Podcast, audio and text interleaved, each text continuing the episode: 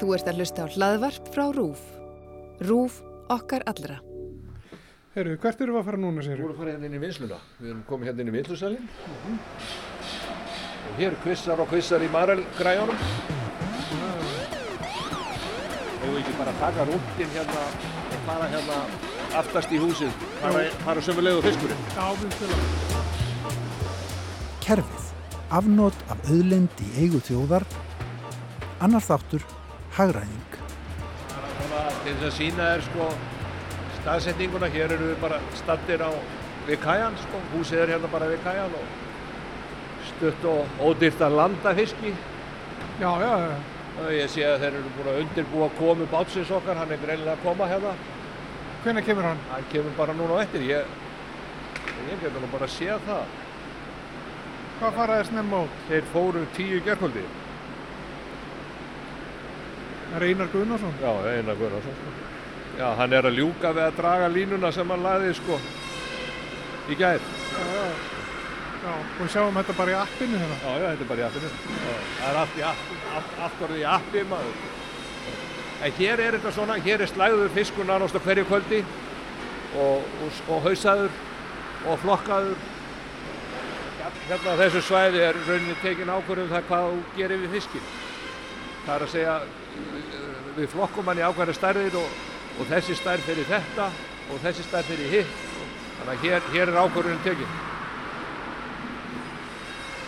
Af því að það er svona, fólk vil fá að vita hvaðan fiskurinn kemur og allt svoleið sko. Og þá, e, þú, þú ert að kaupa fisk á ákveðnu bát og þá fer það bara hér inn í tölvukerfið og, og svo er það bara mert og það fylgir bara fiskinum í gegnum vinsluna. Að ég get sagt þér að ef þú kaupir að með nakka einhver staðar á morgun, þá get ég sagt þér að hvað báta var. Og klukkan hvað það veitur. En ég get gett með nakka eitthvað staðar bara í bandaríkjónum eða eitthvað staðar þar sem að þið, þangað sem þið seljið eitthvað fisk. Það er þetta rekjan bara Já. alveg bara alla, alla Ég leið. get sagt þér hver pakkaði kassan inn í vinslunni.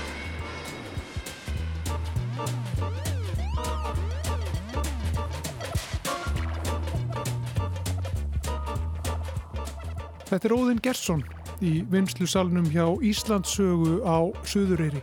Þarna er verið að vinna þorsk sem fer að mestu beinaleið frá Suðureyri í flug á erlenda markaði.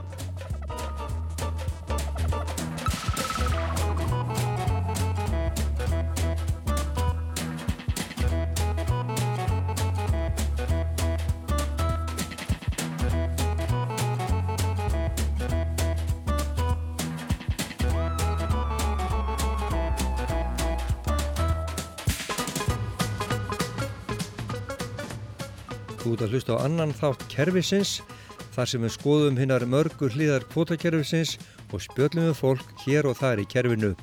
Ég heiti Ágúst Ólafsson. og ég heiti Guðmundur Pálsson. Í þessum þætti heyrum við meðal annars hvernig fjárfestingin í kerfinu hefur markfaldast og menn þar oft tekið mikla áhættu. Við heyrðum áðan í óðunni gestinni fyrir vestan og þar kom kannski vel fram hvernig tæknin og hagraðingi í vinslunni hefur þróast. En þú fórst austur á fyrði, Ágúst. Já, mikið rétt. Meðan þú fórst vestur fór ég austur.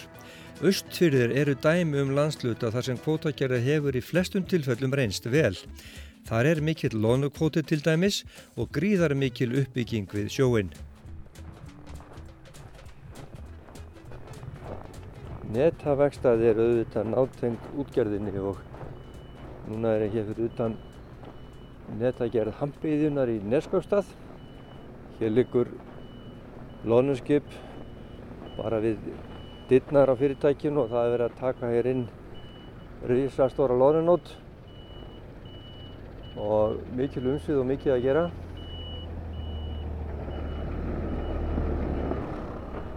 Ég ætla að kíkja hérna inn og hitta hann Huga Árbjörnsson sem að er yfirvegstjóri hér yfir netagerðinni og aðeins að herra hljóðið mönnum. Sjá hvernig þessi tegund sjárótessins pluma sig í kvotakerfinu. Því þið eru að taka hér nót hér, hér inn, í, inn í hús og skipið bara hérna við bryggjuna. Það er, þetta gerist svona bara snögglega stundum eða hvað. Já, já, þetta var bara símdæli gerðkvöldi og allir klárir. Það er bara hlutis. Og það rifnaði það á nótin? Já, þeir fengu á výrin þar sem kallað er Mm. og pulsu og þá var ekki hægt að kasta inn aftur svo það þátti að koma með hana og, láta laga. Við erum að tala saman í, í miðri lánavertíð og ja, það er eiginlega búið að vera brjálað að gera hjá okkur. Já, það er eiginlega ótt að segja það. Það er búið að vinna hérna flesta, ja, alla lögadaga síðan í óttuberi fyrra og, og marga sunnudaga. Það hefði ekki verið helgafrí núna í já, fjörða mánuð held ég. Þannig að, þannig að svona vertíð hefur mikil áhrif á, á ykkar starf. Alveg gríðaleg. Alveg rosalega orð. Þetta er bara að verða allir kollu vittlisir þegar, það fréttist á loðinu, mm. þá fer allt á fullt. Hver eru verkefnin hjá ykkur þessar dagana? Akkurat núna er aðalega bara að halda þeim gangandi þegar auðvitað rýfa á. En, en fyrir þann tíma þá var náttúrulega bara að viðhalda nótum. Sjáttu þess að það sé í standi til þess að taka við þessu öllu saman. Þetta er engin smá átök, það er verið að taka upp undir 800.000 tonn í kasti. Mm. En þessi rekstur svona annars þegar að, já kannski er rólegur á sjónum? Það er aldrei rólegt á sjónum.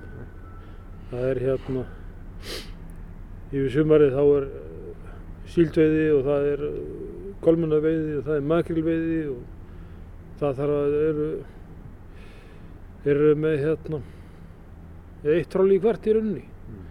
Þannig að það þarf að halda því við líka, fara yfir troll og póka og, og gera og greiða. Og þið eru þá bæði viðgerðum og svo hvað að framleiða þessar stóru nættur og þessi stóru troll líka? Já, trollinu er reynda framleitt mest fyrir, aðalega fyrir í Reykjavík en við höfum verið að framleiða hérna kolmunarpoka og loðnumpoka og makrilpoka og, og hérna það sem því fylgir.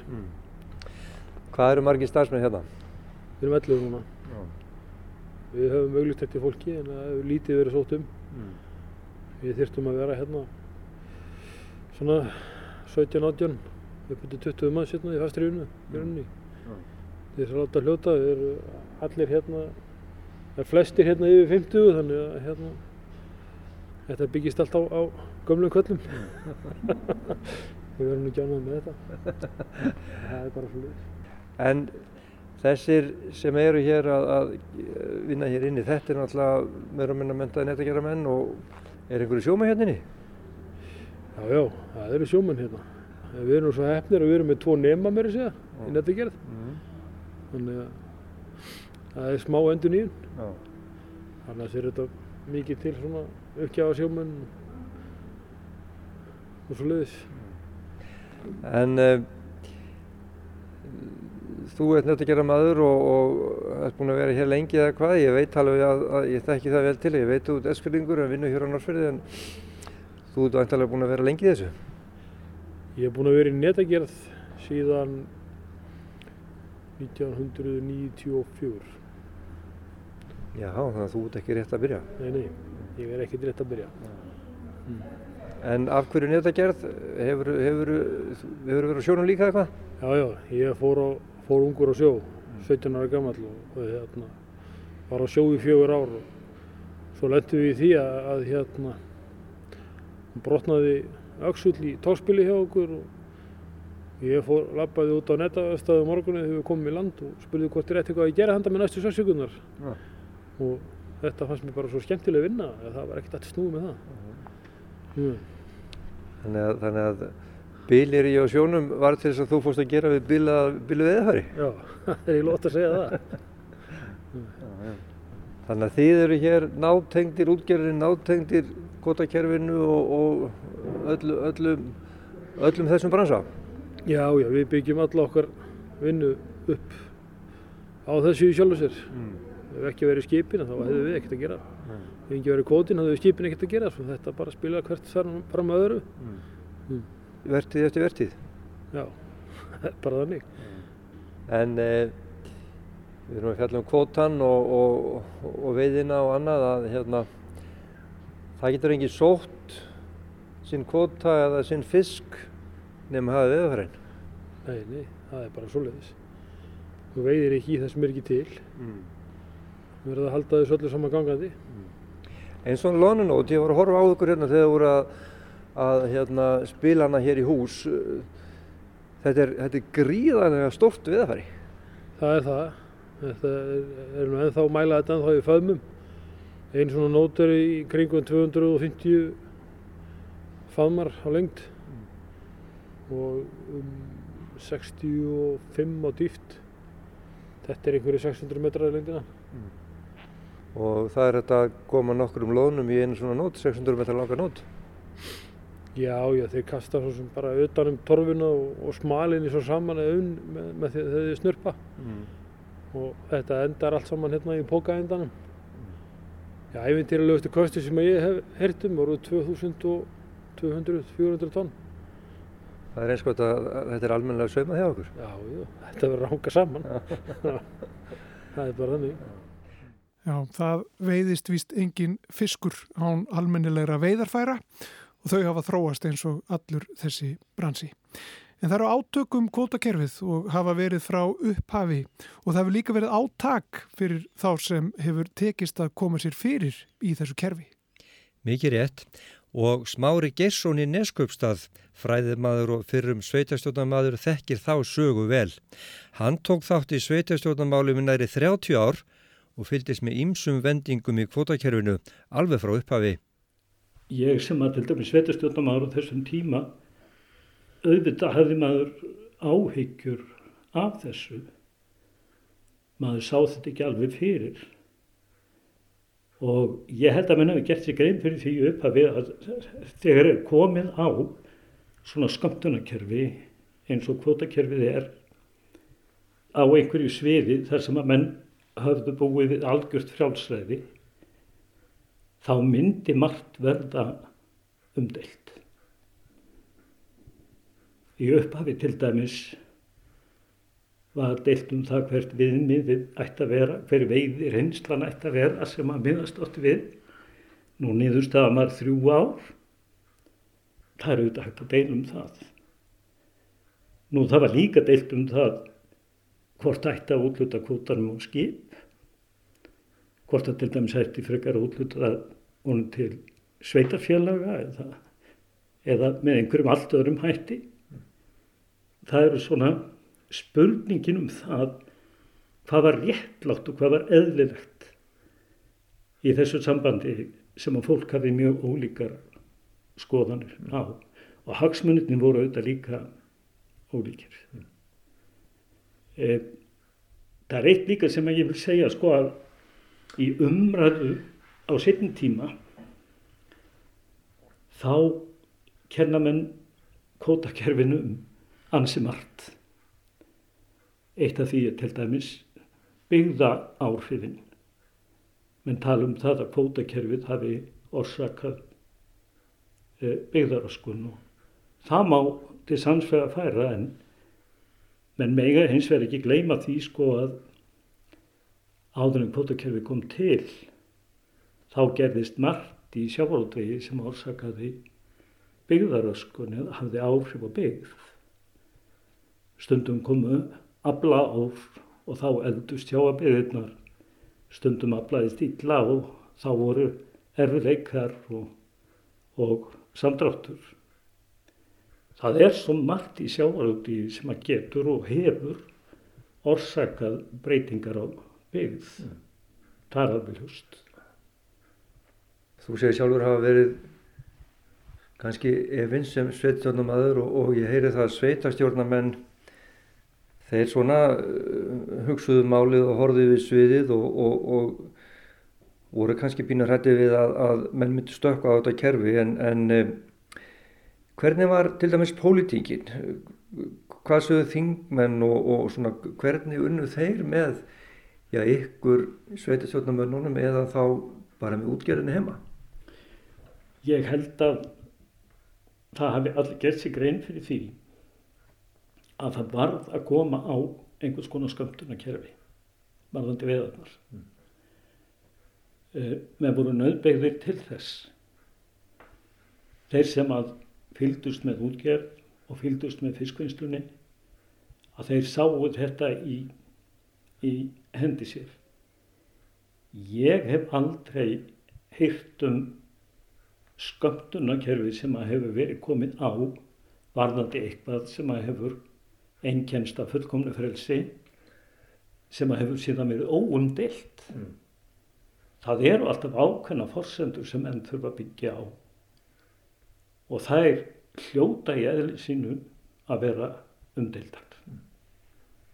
Og það sem mér þykir verst á undanfennum árum hefur mér fundist öll umræða um kvótakerfið verður svo vanstilt.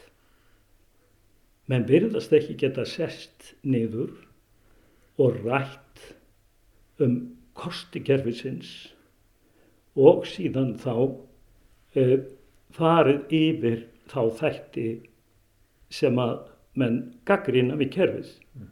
rólega og yfirvega. Það vilist ekki vera hægt.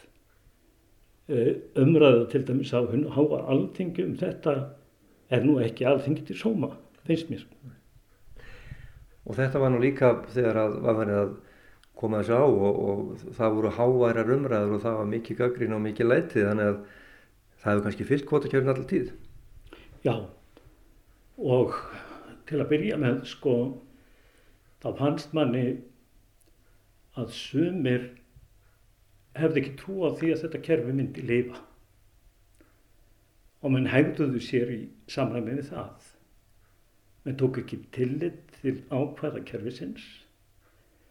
Ég held að það hefði til dæmis verið afskaplega gott að fórustu menn svona öflugustu sjávortisfyrirtækjan hér fyrir austan þeir virtust mjög fljótlega taka þá línu að kvótakerfið væri eitthvað sem er við viðvarandi og það þýrt að skipulegja veðarnar og skipulegja vinsluna með tilliti til þess kerfis. Mm. Þetta held ég að hafi verið gæfa. Síðan auðvitað sko varðandi þá þætti sem er umdildir, þeir eru svo fjölmarkir. Við bara skulum nefna byggðarkvotan, svo dæmis ég tekið. Hver mikill á hann að vera og hvernig ná útlutónum. Nú, við skulum bara taka strandveikerfið sem ekki er rætt um núna. Veiðigjöldin auðvitað.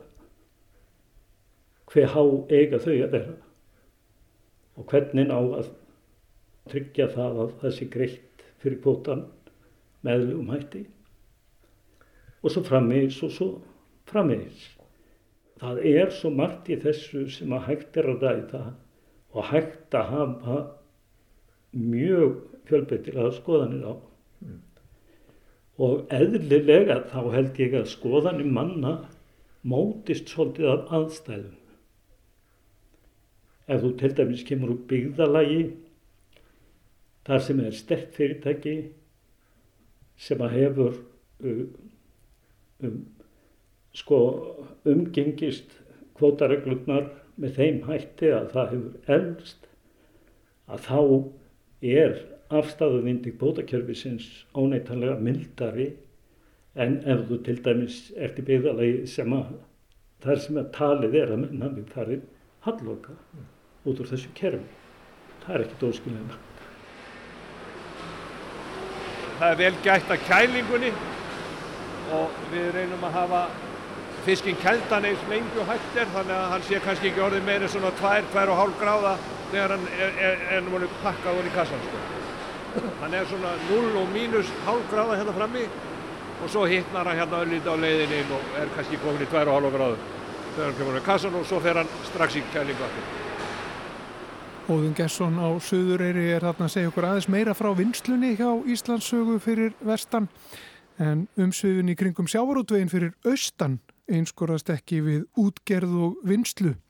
Það er nefnilega brjálað að gera í sjóppunni á Eskifyrði. Heldur betur.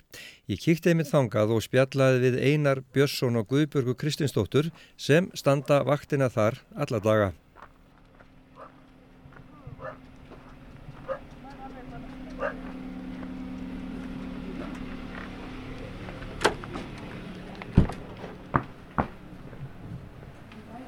Góðan daginn.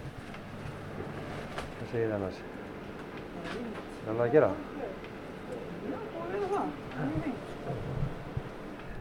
Eru þið eru hér á bólakafi að taka upp úr vörur upp úr kössum og, og hafa til það er, ég sé að það er svona vertíðin hér, loðnuvertin hefur mikil áhrif á reksturinn ykkar. Já, hún gerir það. Þetta er bara algjör blús að fá svona sól, normenn og svo bara mikið verstökum. Það er Já, það er, það er náttúrulega verið að vinna hér fyrir fyrirtækinu þá komin í matinga. já, ég er alltaf með heita mat í hátteginu og svo bara alltaf grilli í bóði. Og þú sér að normenn komi líka. Þeir náttúrulega, til að útskýra það, þá eru norsk loðnurskip hér í höfnum. Já, þeir eru búin að vera mikið hérna sko. Það er mikið pluss. En hvernig er þetta svona, eh, svona utan við þann tíma? Er, finnið það, er til dæmis loðnuvertíðin, er þetta stærsti tímun eða er það einhver annar tími? Nei, loðnuvertin og já, það er það. Við erum að elda í bræðsluna og, og þá er bæði þegar kolminnir og loðnan og, og þegar það gengur þá er bara alltaf fullu hér elda. Já, þannig að þið eru, þið eru svona nokkuð með mötunni til líka. Já, já, það er alltaf í hátinn og kvöldin fyrir báða vaktir. Er einar, það, er svolítið merkilegt að þið, þið byrjuðuð á sjómandi. Já, það við tókum við á förstu degi fyrir sjómandarshelgi og það var eiginlega bara orðsins fyrstu að stökku í djúbulauðinu. Sko. Og það eru langt síðan. Já, það er verið 20 ára núna á sjómandaginn. Þannig að þið, þið getið tengt ykkur rækilega við sjómanskuna. Já, já, við erum svona kannski ólíkt mörgum sem eru í svona þjónustu gera. Við erum ekki tengt túrismannum að neinur á því en við erum mjög tengt svona vinnandi mönnum, bílstjórum og, og verktökum sem koma hér í ímisverkefni. Eins og er verið að byggja upp hjá Eskju og þá hefur það reynst okkur afskaplega vel. Það eru margir sem koma að borða og, og þurfa, þurfa sitt. Eh, Þetta er, hér eru bensindælina merktar orkunni og, og maður er að fara á sjálfskálan og eskifyrði en, en þetta er kannski bara ykkar prívatrekstur. Já, já, við leigjum húsið af, af Skeljungi og, og hérna erum með okkar prívatrekstur í þessu og höfum gert alla tíð. Fyrirtæki heitir Kría veitingasala eða KRIA. Það skapast af því að konan heldur með IA og ég held með KR og, ég náttúrulega vonumst eftir því að IA haldi sér í eftir deild þannig að komi KRIA leikur einu svona ári. En hafið þið einhvern tíma verið á sjó? Nei, ég gerði tilraun og það var mjög stutt því að um það byrjum sem tógarinn fór út sem ég var búinn að ráða mig á og þá var ég á konu sjúkra á Svakuriri þannig, þannig að það náðu ekki lengra mín sjómennska. Þannig að sjómennskan, hún, hún eh, hjálpar til svona óbeint. Já, mikil ósköp. Þetta er, þetta er gríðarlega uppbygging hérna og, og með þessu nýja uppsjá á fristuhúsi að þá er hér eiginlega vertíð allt árið. Það skiptist á kolmunni og, síld og lona og makrill og þetta er bara lífið hér og hefur alltaf verið. Ég kom hér á Eskifjörði fyrir næri 40 árum síðan til þess að vinna í fiski og, og við erum afskaplega tengt því hvernig gengur í sjávarútveginum og, og þökk séu þessar uppbyggingu í Eskju þá er bara alltaf nóg að gera. En það er þetta ólíkt það að, að vera með þess að daglegu trafík hér og menni mat og svo að, að vera elda og, og senda út í fyrirtæki. Það er svona, það er tvent ólíkt. Já, já, það er svolítið ólíkt sko, en, en samt ekki. Við hérna, eldum líka fyrir félagsþjónustuna og hérna færum eldri borgurum mat líka. Þannig þetta, já, þetta er bara fjölbreytt, bara gaman að þessu. Ég var að eina spura eina hvort að hann har nokkuð að vera á sjó og spura þið það sama því að þið eru svo tengt sjónum hérna. Hefur þú verið á sjó? Nei, ég hef aldrei verið að sjó. En faðir minn og bræður já, já, og bara afi og allir mjög tengt sjónum. Já, það var- alltaf hátíðistafur heima. Alltaf. Og næsti sjómandag verður, heyrist mér heldur betur hátíðastæður í ykkur. Já, heldur betur. Ha, fagnar 20 ára amali, það er bara geggjað. Fjör þá. Já, já, við ætlum að gera eitthvað svona í samstarfi við orkuna og, og, og okkar svona byrgja, ætlum að gera eitthvað skemmtilegt og halda upp á það. Takk kjærlega fyrir spjallið og, og hérna, ég vona að verður bara eilíð vertið hjá okkur. Já, takk fyrir það. Já, svo kemur þetta bara hérna inn og, og það er einhver skjár fyrir framann þessar stelpur og sem að segja þeim hvað þeir eiga að gera við þetta. Já, Býtur við, og svo þær klára hérna að snýrta Það er þetta? snýrta þetta sko og, og búa til eitthvað. Í dag erum við að búa til nakka og bakflögg og hérna sem, að, sem að við pökkum fersku, sí, sýnir það það eftir. Odni, hvað erum við að gera hérna? Hvað er þetta? Já, fissimann. Þú veist hvað fissimann er þig? Þeir taka, þeir taka kvítfiskin hjá okkur, kosk og ísu.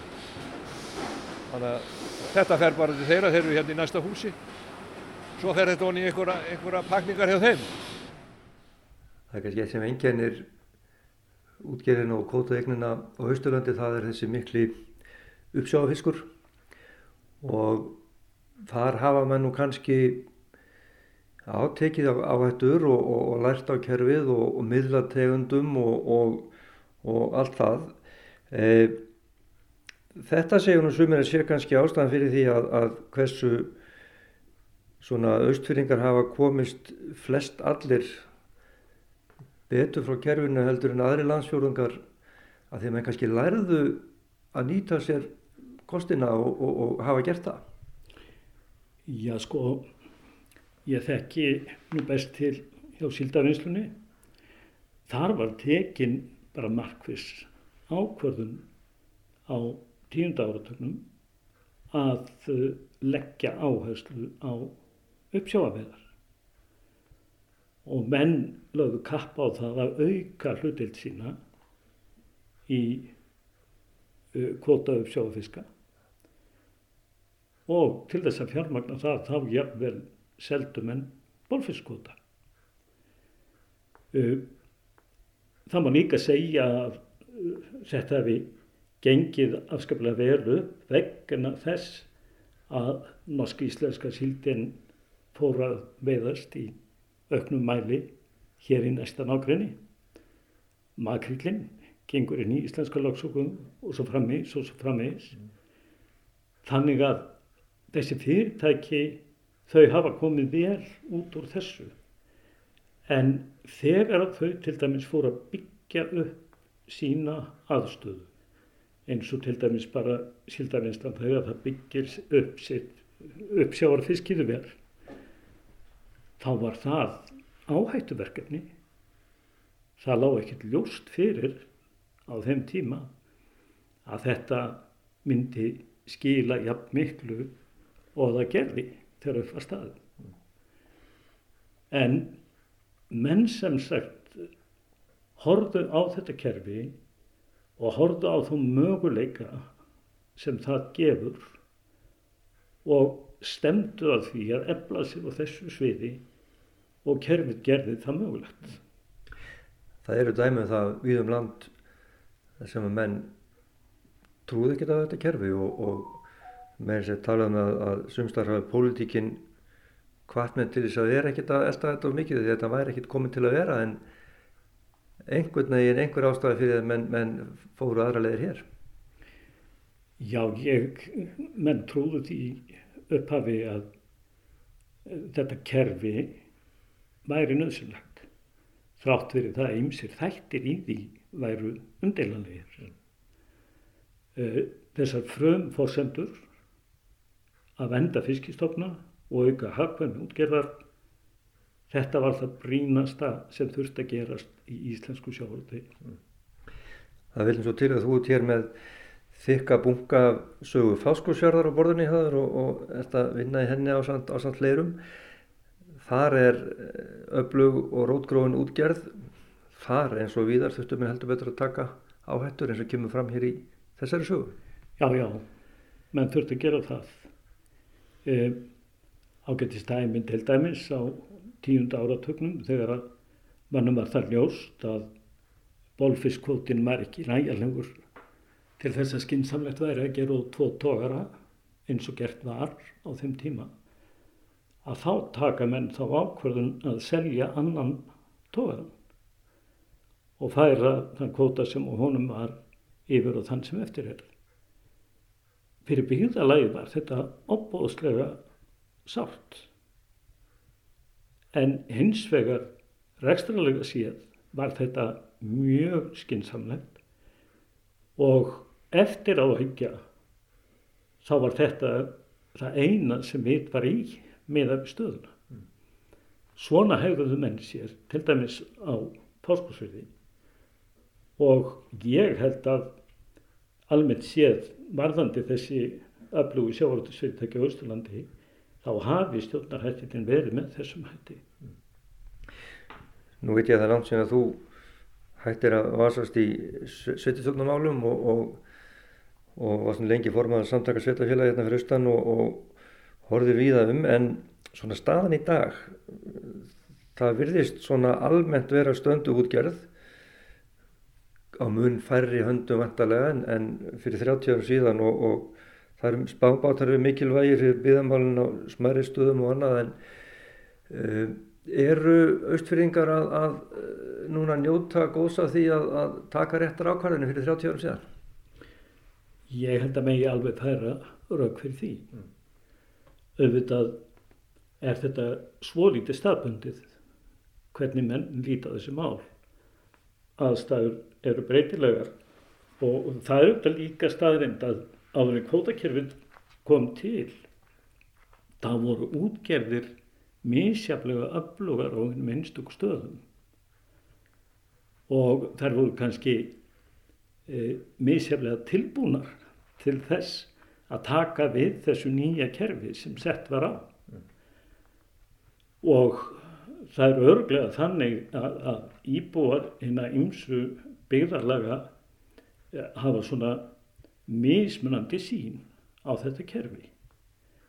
En ég held að ef við horfum yfir Östurland heldstætt að þá sé það landsluti sem hafi komið tiltölulega vel út úr kvotakerfinu.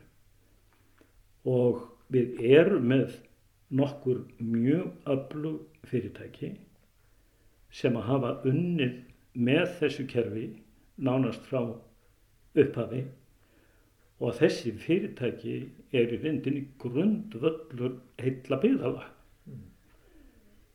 og e, atvinnulíf á Ísturlandi grundvallast að stórum hluta til á þessum fyrirtækjum. Mm. Já, lífið er fiskur, er stundum sagt saltfiskur reyndar en eh, fiskurinn er ímist saltaður, fristur eða þurkaður og fiskur úr einum vinslusal á Íslandi getur farað á diskinni og fólki um allan heim. Þetta er fyrir hérna tempraða fiskin. Þetta er fyrir tempura, á, það er það sér ráðnið það.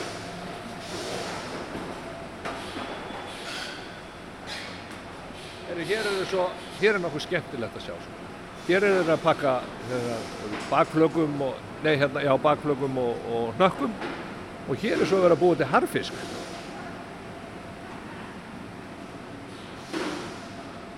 Já, býtur nú hægur, sko, og það eru flög sem er rafa hérna á grindur sem, og hvað svo? Svo flytjum við þessa grindur inn í Súðavík og þurkum þar, við erum með verkun þar líka, harfiskverkun. Við undirbúum blöðvinslan hérna fram og svo þurkurinn þar á pökkunum. Og það er tenging þar við byggðarkóta byggðarkóti í Súðavík vestfiskur í Súðavík kaupir byggðarkótan af bátánu þar. Og við vinnum hann búum til meðal annars svona vörur sem að þeir þótt þurka við erum að þurka úr svona 310 tonnum af hráefnum hús sjó ári og erum að kaupa byggðarkóta inn í Súðavík fyrir svona 150-200 tonn þannig að þetta tala nú allt saman sko Er þetta litið hálfnöga af sumum og þessi aðferðið einhvern veginn? Veistu hvað ég menna? Já, já, ég, ég veit hvað ég menna. Já, þetta er litið hálfnöga. Menn telja það að við hyrðum það besta úr fiskinum og setjum restina þangað sko. En auðvitað er það þannig að öllum fyrst, á Íslandi fyrst harfisku dýr. Hvað borgaru? 14-15 þúsund kall fyrir kílóðu út úr búði í, í hérna hagkaup eða, eða netto eða krónun eða hvað sem það er? En það er bara ef þú tekur eitt fisk upp úr sjónum sem er eitt kíló þá er það 80 gram af því harfiskur þegar þú ert búin að þurka það. Skilur þau 20% af flakinu verður harfiskur 1 kíló 200 grömm. Skilur þau þannig að það, það er 5 sinnum sko. Og svo fara að pakka því og það vilja allir fá þetta í pínu litlum umbúðum. 100 grömm, 200 grömm. Þetta kostar allt. Og eins og launa þróun hefur verið á Íslandi undanfærin ár þar sem við erum búin að hækka laun meira heldur sem nefnum verðmættasköpunni þá getur farið illa sérstaklega fyrir svona litlum fyrirtækjum sem að eru tiltölulega mannfreg því að það er ekki til ennþá held ég vélpökkun á harfiski hún er ekki til. Enda þeir eru líka þá svo mikið magn að pakka sko. Kannski er þetta búið til eina pökkunastöð fyrir harfisk á Íslandi, ég veit það ekki. Það er aðeins þetta verður harfiskur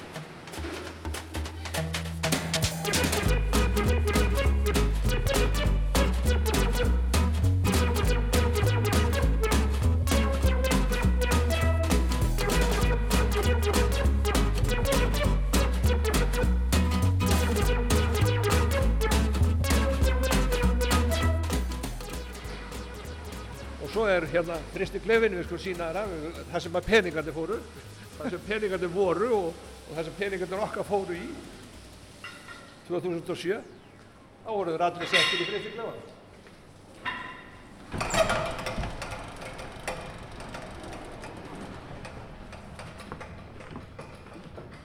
Hér er meðal annars geimdar vörur frá Fissermannsík þeir hafa aðstöðu hér. Hvað er þetta þeim? Salmon Pieces. Já Sko, hérna erum við inn í fristiklefanum. Þetta er stór, mjög stór fristiklefi. Já. Uh, sko, hér er bakkað upp í loft. Já. Og mikið geimt, sko. Því þú myndist nú á, hér eru peningarnir geimtir. Já. Það er fræg sena náttúrulega í, í verbúðinni sem að vakti miklu aðtegli. Já. Þá voru geimtar sko ferðartöskur með peningum inn í fristiklefinni. Já. En þú segir mér að, að, að hér séu peningarnir geimtir. Já, já, hér, hér eru hérna byrðirnar okkar sko, sem að fari kannski ekki alveg strax í útlending og, en það sem ég átti kannski við með því var það að árið 2007 þá endur nýju við fristiklefan og allir okkar peningar fóru í þetta. Þannig að ég hef sagt það peningarnir okkar eru í fristiklefan það er alveg klart Og svo er pakkað og það er, svo er þetta bara sett í flug, sko bara borðið í flugvilar. Hérna, þetta tilbúið hérna til, hérna, inn í fristiklefan og býður bara. Fröplast, í fröplasti? Já, þetta býður bara. Ég saði þér áðan að fiskunum fær upp í 2,5 gráðu á leiðin í gegnum vinsluna. Og svo fer hann kannski niður aftur hérna inni á næstu klukkutími þannig að bílinn kemur klukkan fjögur og keirir söður í Keflavík. Og hvenar er þetta komið bara á diskin hjá einhverjum, segjum í bandaríkjum? Herru, burt frá fjör, mér klukkan fjögur í Keflavík klukkan fjögur í nótt og þá Evrópa, Bandaríkin. Það fer vantarlega sjöði fyrramálið myndi ég halda. Og er það ekki einhvern tíman eftir hátti á morgun? Eftir sólurning svo þarf að dreifa þessu þar. Óðinn, ertu moldríkur? Nei, ekki af peningum. En ég á flotta fjölskyldu ég á fullt af vinum ég er með frábært starfsfólk. Þannig að ég er ekki moldríkur af peningum ef, ef það er mælikvarinn en ég er moldríkur af hinu en það er að minnst það sem mér finnst sko. En þá? Hvað séru? Er það bara þú ert, þú ert þérna, ekki moldríkur af peningum en þá? Nei, það er mjög málið sko það er líka allir sem eiga hlutabref sem að segjast eiga svona og þetta hitt mikið sko já ok ef þeir selja þá geta þeir en ef þeir selja ekki þá er ekkert skeð. Já. en þú, þetta, þetta var nú kannski óþverra spurning hjá þeir sko